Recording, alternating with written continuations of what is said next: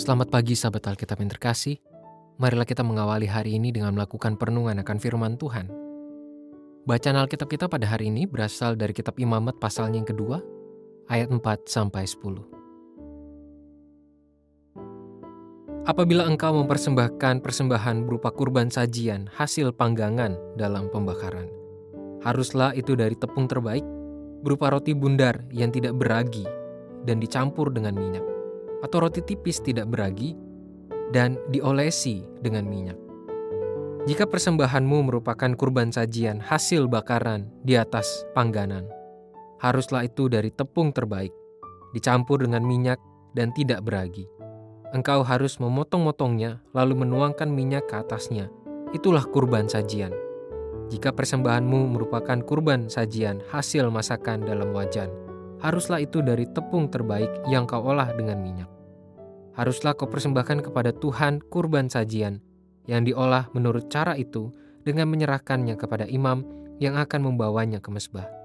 Imam harus memisahkan bagian peringatan dari kurban sajian itu, lalu membakarnya di atas mesbah sebagai kurban oleh api yang aromanya menyenangkan bagi Tuhan. Kurban sajian selebihnya menjadi bagian Harun dan anak-anaknya suatu bagian maha kudus dari kurban api-apian bagi Tuhan. Pada perikop bacaan hari ini, kita melihat panduan tata cara melakukan kurban sajian secara lebih spesifik sesuai dengan bentuknya masing-masing, meskipun berasal dari bahan dasar yang juga serupa dengan apa yang dijelaskan pada ayat-ayat sebelumnya. Kurban sajian dalam penjelasan ini juga berasal dari tepung namun pada penjelasan kali ini, tepung tersebut diolah dengan cara-cara yang sangat spesifik, seperti melalui pembakaran, pemanggangan, maupun olahan di atas wajan. Semuanya diatur dengan rinci dan jelas, termasuk persoalan bagian yang dikhususkan bagi para imam.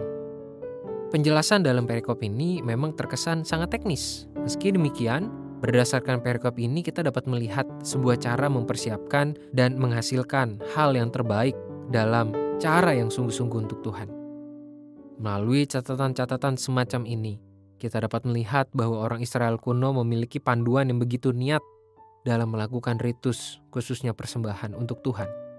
Nilai ini pun dapat kita maknai ke dalam kehidupan iman keseharian kita. Topik memberikan persembahan dapat terus menjadi diskusi hangat yang tak pernah lekang oleh waktu untuk digumuli dan dimaknai oleh setiap umat percaya.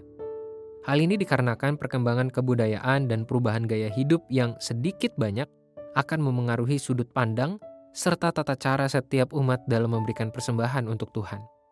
Sungguh disayangkan ketika seorang umat percaya menganggap rendah perilaku mempersembahkan untuk Tuhan. Apalagi jika disertai dengan cara pandang, kan Tuhan tahu hati saya, tidak apalah bentuknya seperti ini. Atau tidak apalah hanya segini.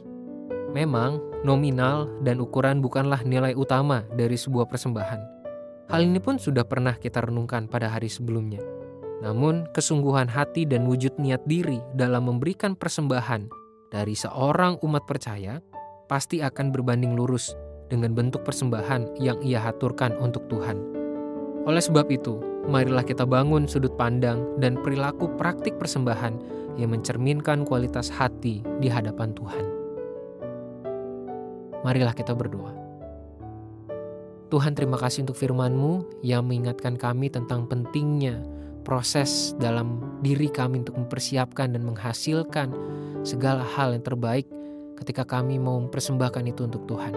Biarlah kehidupan kami boleh menjadi pelatihan iman dan diri kami untuk mempersembahkan semuanya yang terbaik untukmu. Hanya di dalam nama Tuhan Yesus kami berdoa dan mohon. Amin.